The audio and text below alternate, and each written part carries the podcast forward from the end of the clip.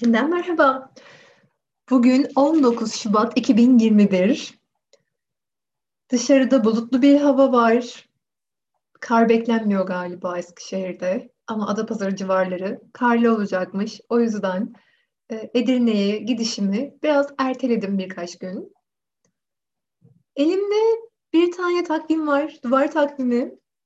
Babaannem bu takvimi kullanmayı çok severdi bu takvimleri bana da yemek siparişi verdiğim bir yerden getirmişlerdi e, 2021 başlamadan önce. Ve atmadım. Bunu duvara asmadım ama masamın üzerinde duruyor. Ara ara elime alıp o günle alakalı neler yazılmış bakmak istiyorum. Dediğim gibi babaannem çok severdi bu takvimleri okumayı. Yani çok seviyor hala. E, o da ara ara eline alıp o günle alakalı ne yazılmış onları okuyor. E, takvime baktığımda 20 Şubat Cumartesi günü birinci Cemre'nin havaya düşeceğini görüyorum. Bu demek oluyor ki Cemreler düşmeye başladı. Bu da bunun ne demek olduğunu da bilmiyor olanlarınız olabilir. Ben babaannemden sık sık duyduğum için bunu. Babaannem bunu hep takip eder. İşte birinci Cemre düşmüş. Ben sıralamasını da hatırlamıyorum ama önce havaya, sonra toprağa, sonra suya mıydı? Cemrelerin düşmesi babaannem için çok önemliydi. E, hala öyledir tabii. E, ben yanında olmadığım için böyle konuşuyorum. Küçükken e, hatırladığım için babaannemin söylediklerini o yüzden geçmiş zaman kullanarak ifade ediyorum. E, Cemreler düşüyor. Demek ki bahar geliyor. Kışı geride bırakıp ilkbahara başlıyoruz. E, bugün terapistimle bir seansım vardı. Görüşmemizi yaptık ve doğal olarak beni rahatsız eden, e, beni tetik, tetikleyen sunumu konuştuk. Orada yaşadığım şeyler üzerinden gelişen bir seans oldu. Onunla alakalı da kayıt yapmak istedim. Yine hatırlamak adına yapmak istiyorum, istedim bunu. E, seans sırasında da notlar alıyorum. Kendimce hatırlamak istediğim yerleri küçük küçük yazıyorum bir kağıda. Ee, ama konuşuyor olmak ve sonradan bunu dinlemek de benim için iyi olacak. Ne kendim için yapıyorum aslında bu kaydı. Dinlediğim bir podcast'ta sanırım Serdar Kuzuloğlu bahsediyordu yazı olayından. Yani insanlar aslında anlatmak üzerine var oluyorlar. Ee, yazmaya başladıklarından sonra çoğu şeyi hatırlamama e, eğilimi göstermeye başlıyorlar. Çünkü not almaya başlıyorlar. Bu aldığım yabancılara Türkçe öğretimi dersinde de geçmiş olabilir. Not almaya başladıktan sonra insanlar e, zihinlerini hatırlamak için kullanmak yerine not alarak daha sonra buna bakarım, hatırlarım e, düşüncesine bürünüyorlar. Şu an çağımızda yaşadığımız şey de çoğunlukla bu aslında. Akıllı telefonlar sebebiyle çoğu şeyi oraya not edip kendimiz e, unutuyoruz. Ben arkadaşımı düşündüm. Yani bir, bir şey yaşadığımda Aa, anahtarım yok mu acaba üzerimde diye evden böyle aniden çıktığımda bir panik olduğumda arkadaşımda anahtarımın olduğunu düşünüyorum. Yedek anahtarımın. Ama şöyle bir şey var. Bazen telefonumu unutabiliyorum evde. Ve öyle zamanlarda hem telefonumu hem anahtarımı unutmuş olursam ben çö- çöpe atmaya çıkıyorum mesela. E, unutmuş olabilirim ani çıkarken. Öyle bir şey yaşasam arkadaşıma ulaşamam. Ne yaparım, ona nasıl ulaşırım diye düşünüyorum. Telefon numarasını bilmiyorum çünkü. Yani 6 yıldır e, benim en yakın arkadaşım. E, haftada bir en az görüşüyoruz. Ve ben onun telefon numarasını bilmiyorum bir sıkıntı yaşarsam herhalde işte birinin internetini kullanıp Instagram'dan ona yazıp ancak öyle ulaşabilirim diye de düşündüm geçen gün. Ee, hatırlamamak ya da bilmemek, öğrenmemek, telefon numarasını hiç öğrenme ihtiyacı hissetmemişim mesela. Bir ara telefon numarasını yazıp duvara yapıştırsam, her gün bakıp ezberlemiş olsam gibi bir düşünce geçmişti içimden. Şimdi bu seansla alakalı ıı, aldığım notlar var ama neyi ne şekilde ifade ederim, burada nasıl toparlarım onun bir planlamasını yapmadım. Bu plan yapmama bizde bir aile geleneği. Biz plan yapmadan hareket ederiz. Bir seyahatimizde Bulgaristan'la Yunanistan'a uğrayacaktık sadece ve geri gelecektik. Edirne'den çıktık e, kendi aracımızla ve Almanya'ya, İtalya'ya gitmiş halde bulduk kendimizi. E, ani planlar yaparak işte günlük planlarla hayatı geçiriyoruz. Şu an bu yani bu plansızlık e, plan yapamama hali hayatta beni biraz yoruyor aslında o da beni yoran şeylerden birisi. Yapacak bir şey yok. O şekilde bir alışkanlığım olduğu için öyle bir öğrenme e, gerçekleştiği için hayatımda benim için de zor oluyor. Yani plan yapmak plansızlıktan daha zor oluyor benim için çoğu zaman. Şimdi gelelim seansta neler konuştuğumuza. E, terapistime o an zihnimden neler geçtiğini sorduğunda e, şunu söyledim. İşte neden? Neden şimdi böyle oldu? Neden böyle oluyor? Şimdi bu durumu tetikleyen şey ne? Bunların zihnimden geçtiğini söyledim. Bana yangın benzetmesi yaptı. Tamam dedi, okey. Orada bir yangın var ve sen gidip bu yangın nereden çıktı? Buna sebep olan şey ne acaba diye düşünüyorsun. Oysa ki bir yangın anında ilk olarak yapılması gereken şey bu mudur? Ve o an bu benzetme çok hoşuma gitti. Evet, ilk önce o yangının söndürülmesi gerekiyor ki sonrasında yangının nereden çıktığı araştırılabilsin. Yani benim o an neden böyle oldu e, şeklinde tetikleyen şey neydi gibi onlar üzerine düşünüyor olmam bana yardımcı olmuyor o an. Ve öncesinde ne yaptın diye sordu terapistim. Yani sana işte bazı kişiler e, o tetiklenme anlarında gerçekten sunumlarını yapamazlar. Ama sen sunumunu yapmışsın. Seni orada güçlü kılan, e, yapabilmeni sağlayan da bir, bir şeyler varmış dedi. Ve öncesinde neler yaptığını sordu. E, lavanta uçucu yağı kullandığımdan, işte difüzöre onu koyduğumdan ve ayrıca onu kokladığımdan, sarı pantolon çayı yaptığımdan, beni sakinleştirmesi için onu içtiğimden bahsettim ve dönüşümlü burun nefesi egzersizi yaptığımı söyledim. Peki dedi, bunlardan hangileri sana yardımcı oldu? Düşününce ben sadece nefes egzersizinin bana yardımcı olduğunu fark ettim. Ee, diğerleri bilmiyorum. Yani onların etkisini ciddi bir şekilde hissetmedim. Sonra şöyle bir şey söyledi terapistim kendine yardım davranışı vardır. Bir de güvenlik davranışı vardır.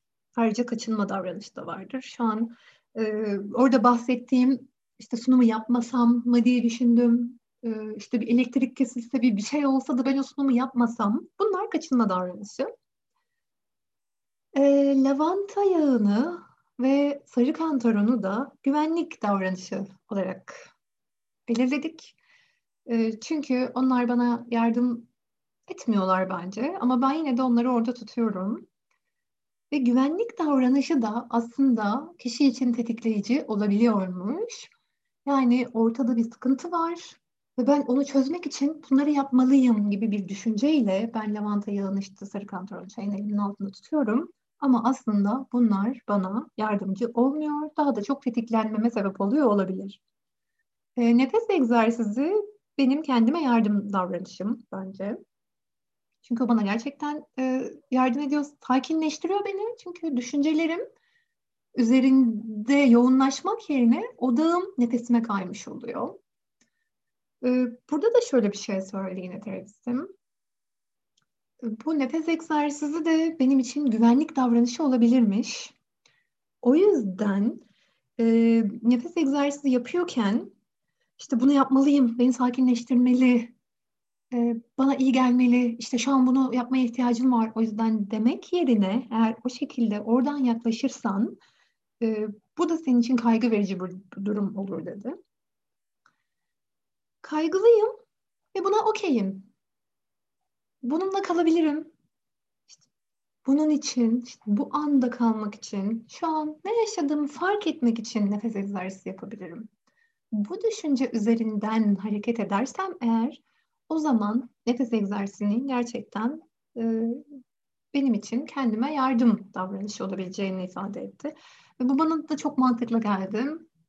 Çünkü stresli olduğum anda e, sunum öncesinde nefes egzersizini bile yapamadığımı fark ettim şu an düşündüğümde. Bir iki yapıp hemen bırakıp başka şeylerle ilgileniyordum. Tekrar bir iki yapıp başka şeylerle ilgileniyordum. Oysa ki o an yapmam gereken şey durmak. Gerçekten kendime bir alan açmak ve nefesimde kalmak. O an bana ne oluyor onu fark etmek, bir süre onu izlemek ve onu kabullenmek e, benim için iyi olacaktı. Bundan sonrakiler yani yeniden bir sunum yapmam gerekirse bunu yapmaya deneyeceğim gerçekten. Kendime bir alan açıp, bir durup ve kabullenip evet stresliyim, evet kaygılıyım, anksiyetem yükseldi ve bunu fark ediyorum ve kabul ediyorum ve bu okey. Ee, şu an zihnimde ne var düşüncesiyle bir süre kalmak bana iyi gelecektir. Ee, sonra konuşurken bir de şunu fark ettim. Kendimden beklentilerim var olan standartların üzerinde. Ee, hep daha iyisini yapmak, daha hmm, farklı şeyler ortaya çıkartmak, düşüncesi içerisindeyim. Farklı şeyler yapmalıyım, daha iyi yapmalıyım. Kendimden beklentim bu yönde. Standartların üzerinde bir beklentim var. Standartların üzerinde şeyler yapma, e, standartların üzerinde bir şeyler ortaya çıkarma beklentim var kendimden. Ve ayrıca yansıtma yapıyorum. Kendi düşüncelerim var, okey. Ve bunları karşıdaki kişilerin düşüneceğine inanıyorum. Ee, mesela benden hep daha iyisi bekleniyor diye düşünüyorum. Yani karşıdaki insanın beklentisiymiş bu gibi. Ee, bunu yıllardır hissediyorum aslında. İşte e, mezun olduğum üniversitenin adını söylediğimde de insanların bir e, verdiği tepki üzerinden aa işte ben ODTÜ mezunuyum. Ben iyi şeyler yapmalıyım. Evet insanlar benden bunu bekliyor. Her şeyi biliyor olmalıyım gibi kendi düşüncelerimi insanların düşüncesiymiş gibi yansıtıyorum. O benden bunu bekliyor. Onlar benden bunu görmek istiyorlar gibi. Bu yansıtma da beni yoruyor tabii ki. Ee, ve şöyle bir şey daha konuştuk terapistimle. Seda için iyi sunum yapmak ne? Ve buna verdiğim cevap özgüvenli olmak, özgüvenli bir şekilde sunum yapmak oldu. E, ve bunun üzerine özgüvenli insan nasıldır? Nasıl bir sunum yapar? Özgüvenli olmak ve sunumda özgüvenli olmak ne demek? Özgüvenle sunum yapmak ne demek? Bunlar üzerine bir konu düşünmemi istedi terapistim. Ee, sonra beden dilini konuştuk. Yani sunum yaparken ki onu da söyleyeyim. Özgüvenli olursam eğer işte rahat bir beden dilim olur, işte hareketlerim doğal olur, doğal bir akış içerisinde hareket ederim.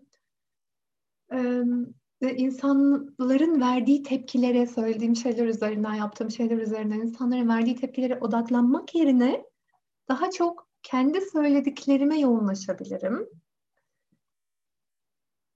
Ee, sonrasında terapistim oturma şeklimle alakalı bir şey söyledi. Belki bunu da deneyebilirsin dedi.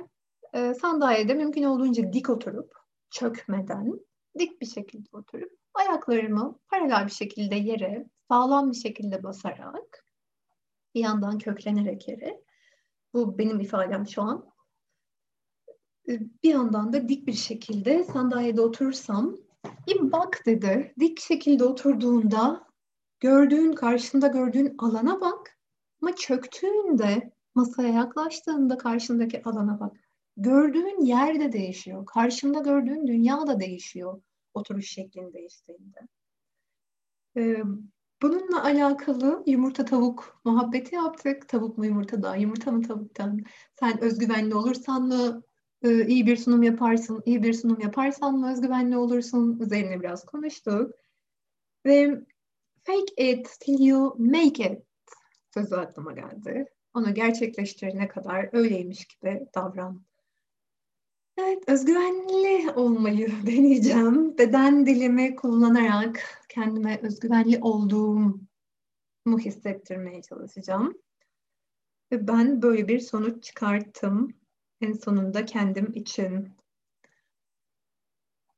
Bunları kaydetmek dediğim gibi daha sonra dinlediğimde bana iyi gelecek. Şu an bunlar evet çok mantıklı zihnimde yer ettiler ama bir süre geçtikten sonra biliyorum ki ben bunların çoğunu unutmuş olacağım. Ama dönüp tekrar e, dinlersem bu anlattıklarımı, bugün e, yaşadığım farkındalıkları benim için de iyi olmuş olacak. Umarım benzer şeyler yaşayan insanlara da iyi gelir bunları duymak. Yeniden görüşmek üzere. Hoşçakalın.